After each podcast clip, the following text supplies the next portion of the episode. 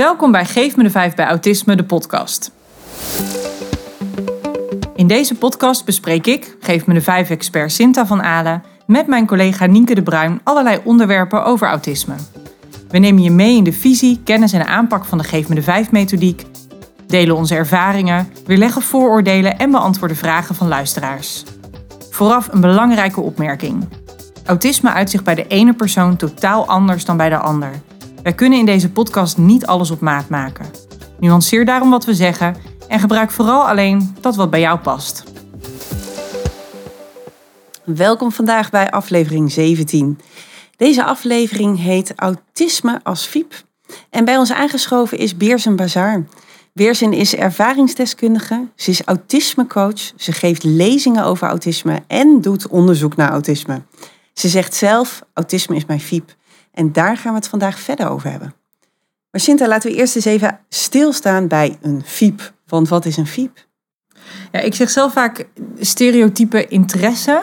En ik denk dat bij de meeste mensen dan een lampje gaat branden dat ze moeten denken aan een fascinatie voor treinen of voor computers of voor het heelal. Dat is toch wel voor veel mensen een beetje het plaatje wat ze er dan bij hebben in het kader van autisme.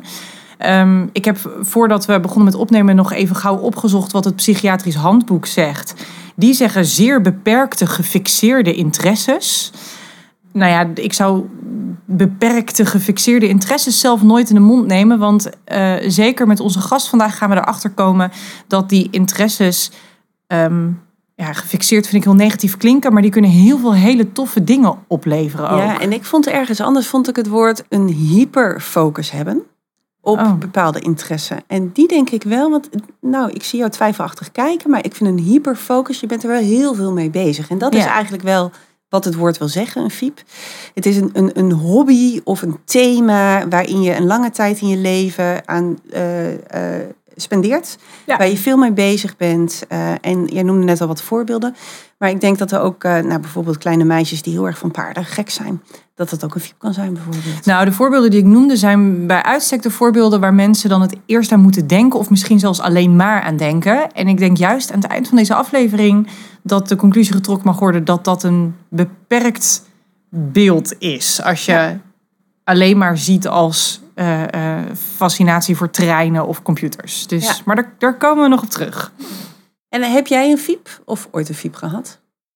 Uh, ik heb, ja, ik weet, ik weet niet zo goed, dus die is ook wel interessant. Ik weet niet zo goed waar de grens ligt. Wanneer je zou kunnen zeggen, oh, nu kun je daarvan spreken. Ik heb zeker wel bepaalde interesses waar ik me volle bak instort. Maar ik weet niet of je dat dan zou kunnen typeren als... Nee. Uh, nou, ik hou bijvoorbeeld heel erg van musical, om iets te noemen. Ik heb ook langs mijn werk uh, voor Geef me de Vijf een musical opleiding gedaan. Dus je zou wel kunnen zeggen dat ik daar redelijk invested in, in ben of ben geweest in musical. Um, uh, dat ik uh, naast mijn fulltime baan nog een hele acteursopleiding heb gedaan. Maar ja. Of dat dan een FIEP is? Nee, ik, ik, ik, ik, ik betwijfel het, hoor. Ik, oh. Nee, nee. nou, een FIEP is een, een van de kenmerken van autisme waarop ook gediagnosticeerd wordt. Maar nu hebben we Beersen hier zitten. Beersen, welkom. Dank je. Ik ben benieuwd, wat versta jij onder een FIEP? Een, een interesse waar je echt de hele tijd mee bezig bent. En bij mij bedoel ik het dan echt dag en nacht, jaren. En waar je echt verschillende kanten mee kan opgaan. Ja, dus als Sinta dan zegt een musicalopleiding gedaan en ik ben er wel mee bezig, maar het is ook wel zijdelings. Zou je dat dan als een fiep beschrijven? ik kan het niet invullen voor haar, maar ja, qua intensiteit weet ik niet. Voor mezelf, als, ik ben gewoon super uh, bezig met mijn uh, fiep-interesse of preoccupatie, hoe je het ook wil noemen. Ja, want jouw fiep is autisme, zei je al, hè? Ja. ja. En daar ben je dag en nacht mee bezig? Ja, ook jaren. Hobby, uh, gewoon altijd. Qua werk, hobby altijd. Want als we heel eventjes teruggaan naar, uh, naar jouw verleden, Beersen. Uh, sinds wanneer heb jij een diagnose autisme? Sinds juni 2007. Juni 2007. Dus ja, wij kijken allebei even naar de kalender. jaar geleden of zo. Ja. Ja, ja. oké. En was het een zoektocht voordat jij een diagnose kreeg? Ja, het was een hele zoektocht. Uh, vanaf mijn twaalfde ben ik eigenlijk al gaan zoeken met mijn ouders. Maar elke keer uh, van instelling naar instelling. En dan kom je weer thuis en dan weet je alsnog niet uh, wat je hebt. En samenvattend heeft die zoektocht negen jaar geduurd. Maar ja, dan heb je alleen een papiertje, maar dan weet je nog niet wat het voor je betekent. Nee. En na, daarna, eh, nou ja, ik leer mezelf nog steeds kennen. Na die diagnose nog steeds. Dat houdt niet op. Nee, dat snap ik wel. Want dat, wat je zegt, dan krijg je een papiertje, eh, diagnose, een sticker, een label. Maar die, ja, ik zei net al, in de DSM wordt een woord genoemd rondom ja, beperkte gefixeerde interesses. Ik zei al, dat is een woord wat ik nooit zou gebruiken. Dus ik kan me heel goed voorstellen dat je denkt, ja, ik lees wel dingen waarvan ik denk, Nou, kijk, die in, Dat de DS ik. in de DSM wordt vooral de nadruk gelegd op wat je niet kan. Ja. En dan krijg je ook die negatieve overtuigingen mee. En nu probeer ik na die jaren ook die positieve kanten van mezelf te ontdekken. Dus dat boekje, die, dat boeit me niet meer zo. nee. Mooi. Ja. Wat was de reden dat je ging zoeken toen je twaalf was? Ik was altijd alleen op school. Ik had geen aansluiting met klasgenoten. Ik vond het moeilijk om tegen veranderingen te kunnen. Eh, we hadden daardoor altijd gedoe thuis. eh, omdat ik ja, kwam van school naar huis. Op school kon ik mezelf niet uitdrukken hoe ik me echt voelde. En thuis kon ik dat wel. En eh, dat leverde spanning op. We konden niet op vakantie doordat ik niet tegen veranderingen kon en anderen eten. En omdat ik niet met die familieleden daar kon opschieten. Ze noemden me in Turkije gek. Omdat ik ja, anders reageerde, omdat ik moeilijk deed en terug wilde. Maar dat had daar niks mee te maken. Het was gewoon omdat ik niet tegen veranderingen kon. En eh, nou ja, dat soort dingen. Eenzaamheid, onbegrip, depressie. Wauw. Mhm. Je zegt in een minuut heel veel. Ja, omdat het zo is. Ja, Ja, omdat eh, het zo is. Nee, ja. dat is ook prima dat je dat zegt. Maar het is, wel, het is wel heftig voor een meisje van 12 die dan op vakantie gaat met haar familie. Zich eigenlijk helemaal niet fijn voelt. ja, En dan noemen ze je gek. Ja, en dat heb ik vaker gehoord. Maar nu denk ik van, ik ben helemaal niet gek. Jij bent gek. Heel goed. Want hoe meer ik ontdek over mezelf. Ik heb zoveel gedaan om de mensen te leren kennen. Gewoon sociaal dingen, vaardigheidscursussen waar ik heen moest omdat ik autisme heb. Daarna SPH, ortho, NLP. Ik denk, ik heb de opleiding gedaan wat je kan doen om de mensen te kunnen begrijpen. Ja. En dan denk ik van, ik ben niet anders. Mensen doen raar, zij doen niet logisch. Dus ja, dat klinkt misschien een beetje eh, alsof ik denk dat ik helemaal niks verkeerd doe. Maar het ligt niet, echt niet alleen aan mij of aan mensen met autisme. Kan je, kan je toevallig een voorbeeld noemen van Nou, wat er ja. dan gebeurt dat mensen raar doen? Nou ja, dat voorbeeld eh, waar ik het over wil hebben is van als je in een vergadering bent en er wordt gevraagd van lijkt het je leuk om hieraan mee te doen? Lijkt het leuk om dat te gaan doen? Zei van ja, als je het kan regelen, dan wil ik het doen. En dan vraag je twee, drie keer gaat het door, gaat het door? En dan hoor je bij een andere vergadering van ja, een ander gaat het doen. En dan denk ik van waarom zeg je het dan tegen mij? Als je het toch niet gaat doen, waarom schep je verwachtingen? ja, dan voel ik me gewoon raar. Dan voel ik. Ik, ik begrijp dat gewoon niet. Ja, dat is ook echt heel onduidelijk. Ja. Vanuit, vanuit de ander. Ja, en elke keer moet ik die informatie trekken uit een ander. Om die mensen te begrijpen. En het kost me echt heel veel energie. Denk ik van, ik ben duidelijk. Tak, tak, tak. Dit is wat ik zeg. Maar een ander, ik trek en trek en trek. Ik heb gewoon nu eh, bij sommige mensen dat ik gewoon niet meer ga doen. Want ik word er alleen maar... Ik kom in een drijfzand terecht. Waar ik toch niet meer uitkom. En alleen maar zieker word. Dus ik ga dat niet meer doen. Ja, dus het kost het vreet bij jou energie om het maar continu uit een ander te moeten trekken. Ja. En die ander die blijft onduidelijkheid geven. Dus op een gegeven moment zeg je gewoon nou tot hier en niet verder. Ja. Ehm, ja. ik, ik ben duidelijk en als je dat niet teruggeeft. Je kan er niks meer mee. Het, Nee. het, het, ik- het, het lukt me gewoon niet meer. Iedereen adviseert me, je moet praten. Ja, ik probeer, maar de Ja. persoon tegenover mij blijft gewoon... Het, het, het, het gaat niet, dus het, het heeft dan geen zin meer. Ja. Ik denk, vul ik even in, dat je dit vaker in je leven hebt meegemaakt. Vaker, maar de een is wat onduidelijker dan de ander. en als het iemand is die, die je kent, waar je om geeft... dan doet dat gewoon heel veel pijn, die onduidelijkheid. Als het iemand is van de straat die praat, praat, praat... ja, boeien, ga je gewoon door. Maar als het iemand is die je kent, dat doet gewoon heel veel pijn. Echt. Wat gebeurt er dan bij jou op het moment dat die onduidelijkheid is? Onrust. Heel veel onrust van wat gaat er gebeuren.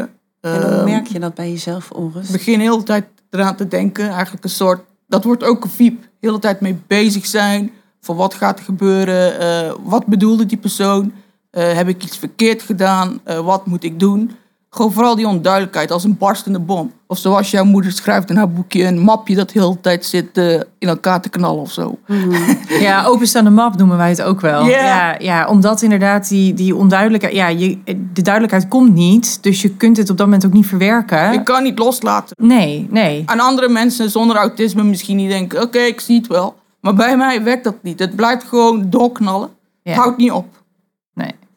Totdat er wel duidelijkheid komt, neem ik aan. Ja, maar dan moet je wel iemand hebben die dat kan. En niet iemand die dan nog weer onduidelijker maakt. Snap je? Dat, Ja, ja. ja. En je zegt, ik heb heel veel studies gedaan, allemaal opleidingen gedaan om mensen te gaan begrijpen. ja. En wat heb je daar geleerd dan? Eh, bij NLP heb ik geleerd hoe mensen eh, nou ja, denken, hoe, waar hun handelen vandaan komt. Bijvoorbeeld door hun ervaringen, hun overtuigingen. Dus soms kan de een boos reageren en de ander opeens nou ja, vriendelijker. Dat komt gewoon door wat je hebt meegemaakt en zo. Ehm, bij SPA heb ik vooral geleerd over de ontwikkeling van kinderen, hoe dat gaat, op welke leeftijd je wat doet. Eh, bij Ortho heb ik geleerd van hoe dat zit met de intergenerationele overdracht van ouders naar kinderen. Dat heeft weer een effect op hoe mensen reageren.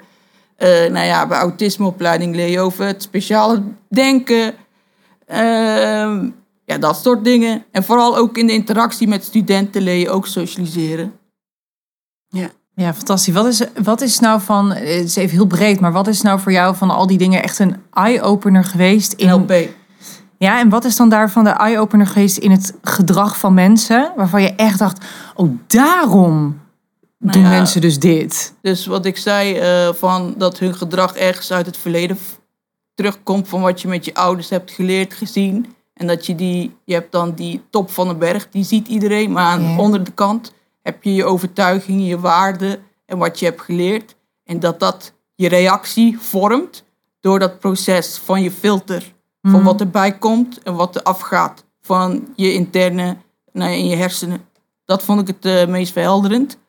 En nou ja, gewoon zien dat ik, eh, als ik zie bij NLP, kon het soms heftig gaan. Dan konden mensen huilen opeens en zo. dacht ik van, wow, wat gebeurt hier? Ik liep dan soms weg, maar het was gewoon interessant. En waarom liep je dan weg in zo'n situatie? Ik vond het eng, omdat ze opeens gingen huilen en zo. Of je moest voorstellen dat je uit een baarmoeder kwam en op geboren werd. Ja, dag, daar heb ik niks mee. dat kan ik me niet voorstellen. Ik ben gewoon geboren ooit, eh, dat kan ik niet nep doen. Maar zij deden dat. Of je moest voor, eh, opstellingen doen. Dat je de vader of moeder moest voorstellen voor iemand. Ja, dat kan ik niet. Nee.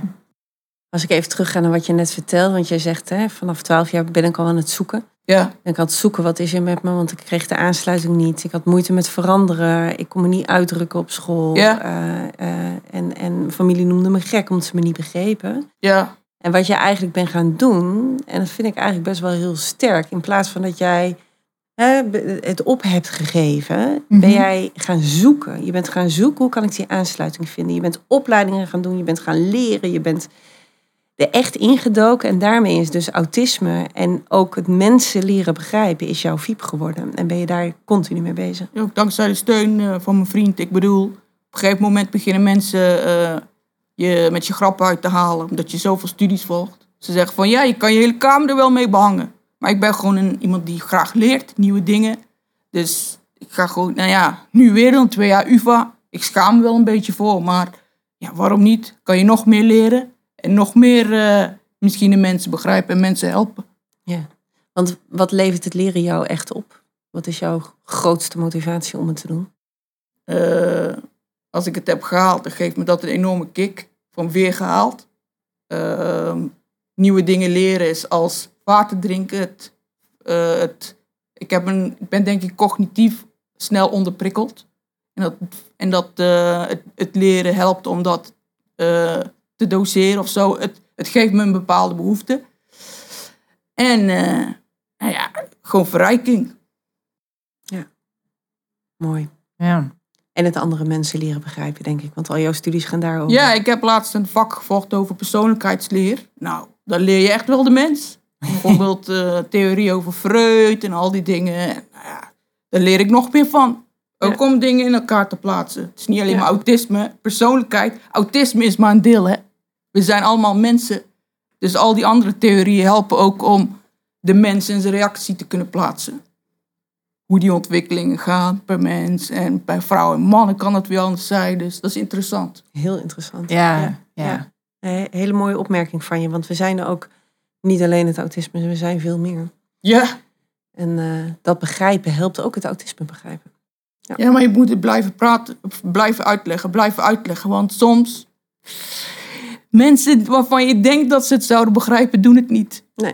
Nou, en als ik jou dat eens vraag, hè? ehm, wat is dan autisme volgens jou? Kan je die uitleggen? Nou ja, autisme is een andere manier van denken. Doordat je de prikkels anders in je hersenen verwerkt. Dat is hoe je de wereld ziet. Dus op een andere manier dan de standaard mensen. En daardoor heb je dus de kenmerk van sociale problematiek, communicatie, over- en onderprikkeling en eh, preoccupaties. Maar je kan het ook vanuit andere theorieën belichten, maar samengevat kan je het zo zeggen. Nou, dat is een mooie samenvatting. Wat zijn voor jou eh, dingen die, waarvan je denkt, dit maakt mij juist extra sterk dankzij die andere manier van denken? Ik ben snel analytisch. Als ik een bepaalde iets heb gezien en een paar keer gedaan, dan kan ik het effectief inzetten en veel sneller dan anderen. Eh, ik zie dingen die andere mensen niet zien. Ehm, en ik zie het autisme ook als, kijk, eh, als je ergens op focust, geeft het een soort preoccupatie. Je gaat door en door en door. Ik kon altijd eerst niet plaatsen van, als mensen mijn autisme zeiden van doorzetters. Maar ik denk dat die hyperfocus daarmee te maken heeft. Dus die doorzettingsvermogen, dat. En ik ben gewoon lekker puur en eerlijk. Ik ben niet nep. Het is zoals het is. Heel authentiek. Ja, alleen dat gaat niet altijd goed. Nee, soms kan die directheid natuurlijk mensen ook eh, juist tegen het harnas jagen. Dat ze, Nee, ja, maar ze zeggen altijd dat je eerlijk moet zijn. Of dat mensen dat fijn vinden. Maar dat is juist niet altijd waar. Dus dat is dan een beetje lastig. Van, ja, snap je? Ja, dat is echt zo'n ongeschreven regel, hè? Ongeschreven sociale regel. We leren onze kinderen allemaal dat ze eerlijk moeten zijn. Maar eigenlijk willen we helemaal niet dat iedereen de hele dag eerlijk is. Want Ja. dat vinden we veel te confronterend. Ja, Maar waar ligt dan de grens van wat zeg je wel hardop? ja. En wat moet je denken in je hoofd, maar, maar- niet uitspreken? Ja, maar hoe moet je dat aanleren aan iemand met autisme? Dat is gewoon, eh, ja. Ik zie het heel vaak als een lot in de loterij. Hmm. De ene keer heb je geluk bij iemand die het juist op prijs stelt. En de ene keer heb je geen geluk. Want. De mens bestaat niet. De, mens, de theorie om de mens te begrijpen bestaat niet. Je kan zoveel cursussen doen als je wil. Om Mhm. jezelf te kunnen redden. Kun je skills opdoen. Maar het is gewoon vooral de straat op gaan en doen. Proberen en leren. En de ene keer heb je geluk, de ene keer heb je geen geluk. ja. Zo zie ik het. En je zei, hoe kun je dat iemand leren met autisme? Je bent ook autismecoach, toch? Ja. Dus eh, als jij iemand treft die bij jou komt en die wil heel graag coaching hebben op, op dit stukje. Van Mhm. ja, ik, ik zeg om de haverklap dingen waar mensen dan boos om worden. Dus blijkbaar had ik dat niet mogen zeggen. Mhm. Wat geef jij zo iemand dan mee om daar, om daar toch, ja, om dat toch makkelijker te kunnen doen op een dag? oefenen. En eh, ik had vorige week een eh, casus. Ja, ik had een lezing gegeven en toen was er een moeder waarvan de zoon de hele tijd iedereen corrigeert. Oh ja. Ze zei van, ja, hoe, wat moeten we ermee doen? Ik zei, corrigeren. Bijvoorbeeld zeggen dat hij vijf keer per dag dat mag doen. Ik zei, als je dat niet doet, dan gaat hij het een keer van de buitenwereld horen. Dus om mee te kunnen doen in de buitenwereld is het toch enigszins belangrijk om daarmee te kunnen oefenen. Het is win-win. Jijzelf gaat je ontwikkelen, maar ook, ook de omgeving gaat een beetje met je rekening houden. Dus op die manier. Ja. Dus bijvoorbeeld doe het nog maximaal zo vaak per dag. Ja, sturf het Ja. af, dan is het visueel. Ja, perfect. Ja. Dan heb je ook, nou ja, dan is het ook leuk voor jezelf. Je kan jezelf zijn. En de omgeving is, vindt, ja, vindt het dan wat te hanteren of zo. ja, die kan er nog een beetje mee dealen. Ja. Ja, Ja, ik zeg zelf ook wel vaker bij dit soort dingen dat om het in ieder geval expliciet te maken. Wat zeg je en wat denk je?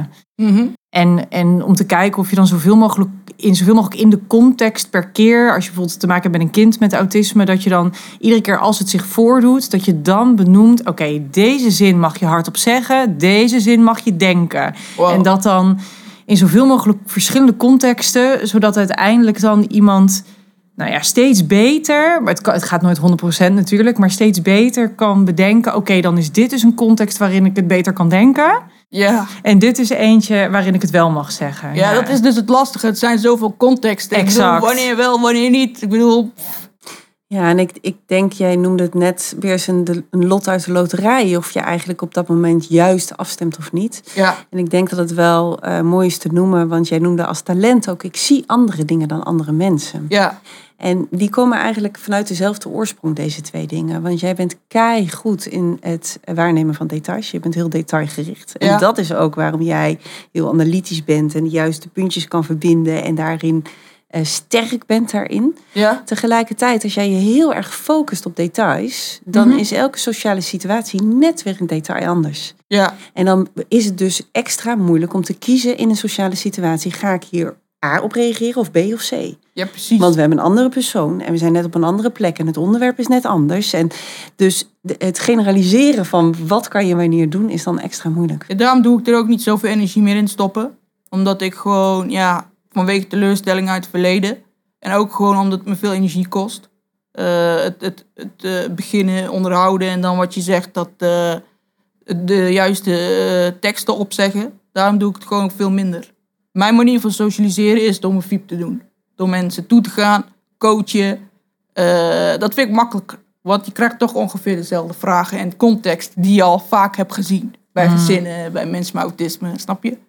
Ja, mooi. Het is ook voorspelbaar dus door, eh, door alles in je leven in te richten op het hebben over autisme en werken met autisme, creëer je dus ook een stukje voorspelbaarheid eigenlijk. Ja, Ja, het is vanzelf gegaan. Ik bedoel, eh, ik dacht ook niet eerst dat ik dit allemaal kon. Ik bedoel, ik hoor, kreeg vaak door, je kan dit niet, je kan dat niet en je kan dit niet. Nou, ik kan vaak, ik kan meer dan ik dacht. ja.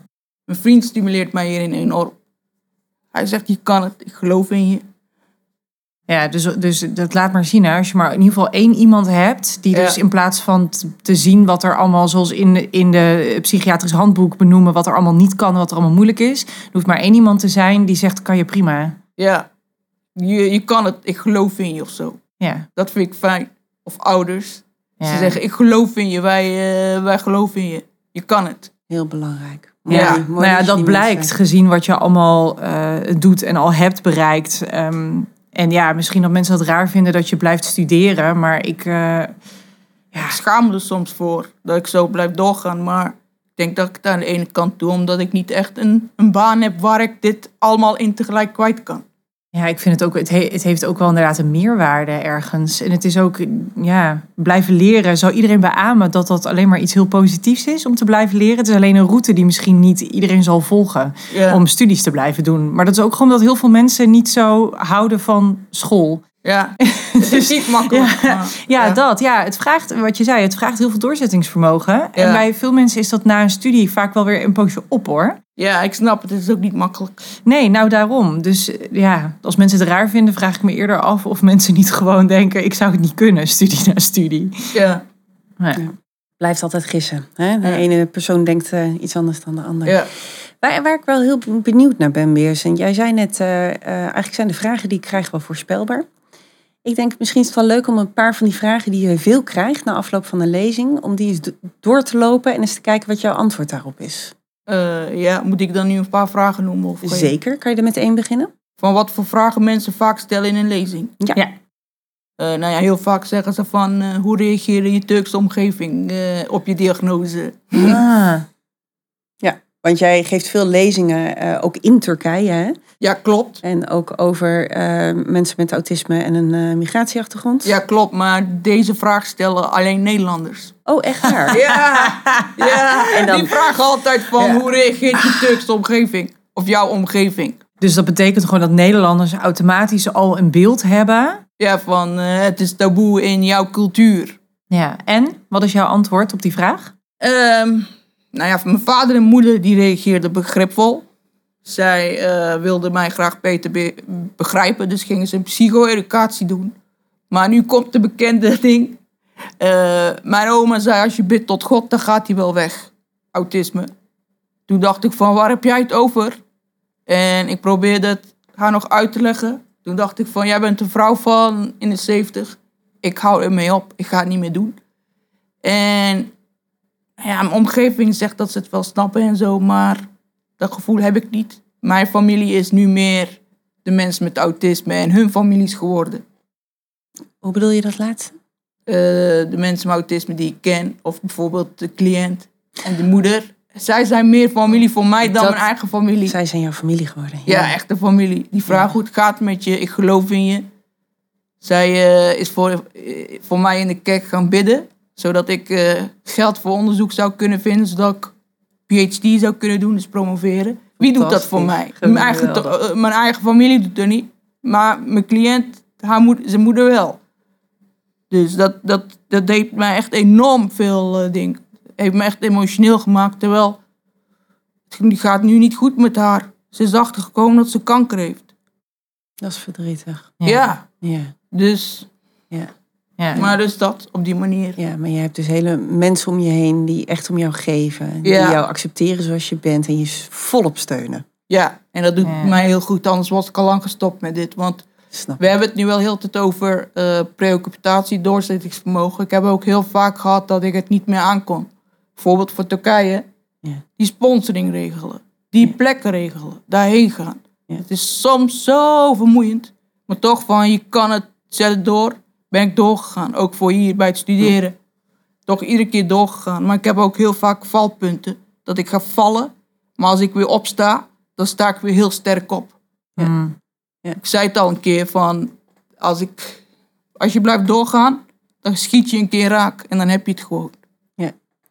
Weet je wat ik nu zie gebeuren bij je? Jij hebt ook een eh, brein die heerlijk associatief werkt. En dat Mhm. betekent dat je van het ene onderwerp zo naar het andere kan gaan. En ik denk daardoor dat jij ook best creatief bent. Klopt dat? Eh, niet in de zin van dat ik kan mooi tekenen en zo, maar ik heb wel creatieve ideeën als ik iets wil. Ja, Ja. ja dat dacht ik al. Van dan denk ik, dan ga ik daar denken, kan ik dat doen, kan ik dat doen. En dan lukt het meestal wel. Ja, en jij wijst nu ook met je vinger van het een naar het andere. ja, als linksom niet gaat, dan gaat rechtsom wel. Ja, en jij hebt heel Ja. veel lijntjes die je uit kan zetten. En dat hoort bij een heel associatief brein hebben. Ja, Als je informatie heel associatief verwerkt. En dat is weer, de kracht is dus die creativiteit en jouw oplossingsvermogen. Mhm. Maar wat er dan ook kan gebeuren is, nu net stel ik jou één vraag. En je gaat hup van het ene onderwerp naar het andere, naar het andere, naar het andere. En je gaat weer door. ja. En dat is wat er dan ook kan gebeuren. Herken je die? Eh, zou best kunnen, alleen omdat ik een beetje sl- heel slecht geslapen heb. eh, Dan gebeurt het weer, ja. niet zo goed. Ja. ja, Dat is altijd Ja. erger dan. ja, ja, ja, Ja. ja. Hebben alle mensen natuurlijk wel eens, hè? Ja, en als je, als je moe bent, dan eh poeh, Ja. is de lijn vasthouden sowieso moeilijker. Ja, zeker. hey, dat was de eerste vraag die mensen jou vaak stellen. Hoe reageert jouw eh, Turkse omgeving? Welke vragen krijg je nog meer vaak? Mm, ik weet niet of ik er nu op kom. Ik heb een blackout. Kunnen jullie gewoon wat dingen verzinnen of zo? Ja, natuurlijk Ja. kunnen wij dat. Goed Ja, dat je het zegt. Dat kan altijd. Ja, ja. Ehm Sint, heb jij een leuke? Bij vragen, ja, wat is een vraag die ik. Ik geef natuurlijk zelf vooral lezingen, trainingen in het onderwijs. Dus mijn vraagstukken zijn toch ook wel veelal onderwijs gerelateerd. Maakt niet uit, ik heb genoeg ervaring in het onderwijs. Hè? ja, dat is wel waar, ja. oh, ik heb, wel een, ik heb wel een vraag die, die ik heel vaak krijg. Ik denk echt op bijna iedere cursusdag die ik geef, krijg ik deze vraag. En ik ben heel nieuwsgierig, Pearson, wat jouw antwoord daarop zou zijn als iemand het Oké, vraagt.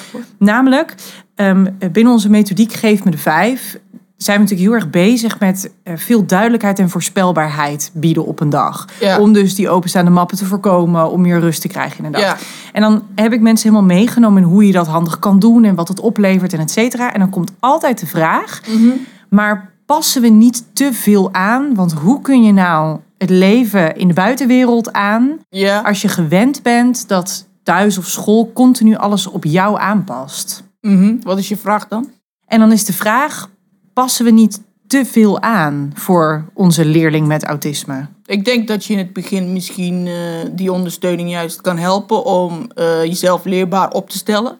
Maar dat je op den duur wel dan kan afbouwen, zodat de leerling toch wel kan werken aan de generalisatie. Want de buitenwereld is niet zo, zoals Mhm. het je wordt aangeleerd. Dus Ja.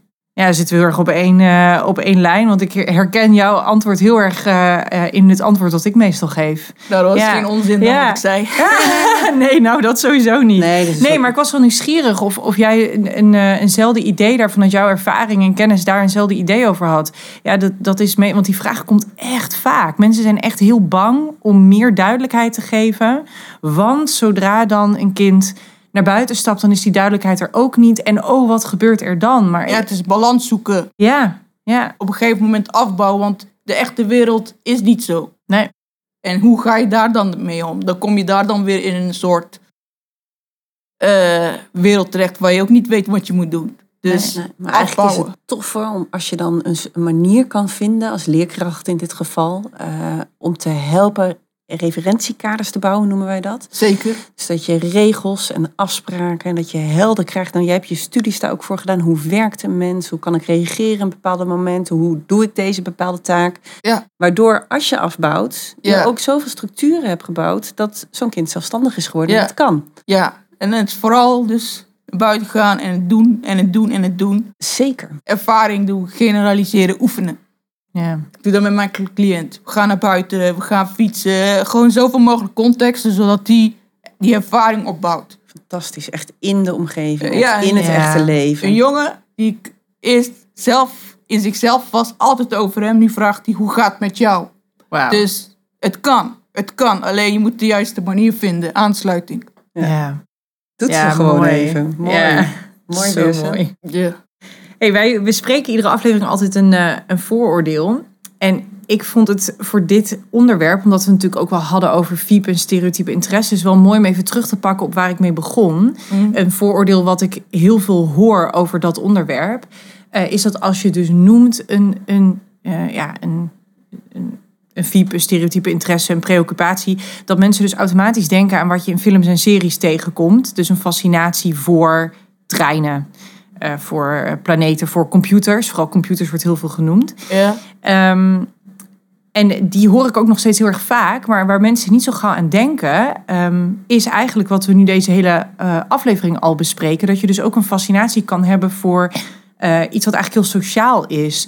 Want jouw interesse in autisme, wat je, ja, wat per ongeluk zei je al eigenlijk je hele leven is geworden, is eigenlijk stiekem echt heel sociaal. Want je helpt er heel veel andere gezinnen en mensen met autisme mee.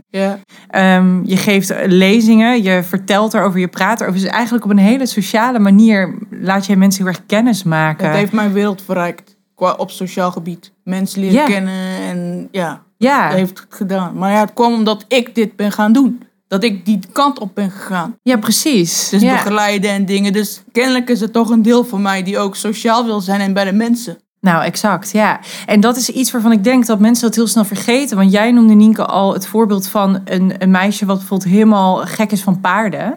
Ehm, en, en daar, ehm, nou ja, dat, dat daar eigenlijk alles om draait. Ik moet bijvoorbeeld ook altijd denken aan de klimaatactiviste Greta Thunberg. En dan zeg, hoop ik dat ik haar naam goed uitspreek. Ja, Eh, waarvan op een gegeven moment ook, zij werd natuurlijk bekend door, de, door haar, eh, haar speech die wereldwijd werd uitgezonden. En toen vonden mensen haar heel, nou raar was ook het woord wat werd gebruikt. Mensen vonden haar een rare manier van vertellen hebben of overdreven of dramatisch. En toen kwam haar familie ook naar buiten met dat zij een vorm van autisme heeft. En toen was het in één keer voor mensen wel oké. Vond ik ook dan weer zo bijzonder. Terwijl daarvoor was wat ze deed ook al fantastisch. ja. Maar eigenlijk is voor haar het klimaat en het, het activisme rondom het klimaat is ook gewoon haar fiep.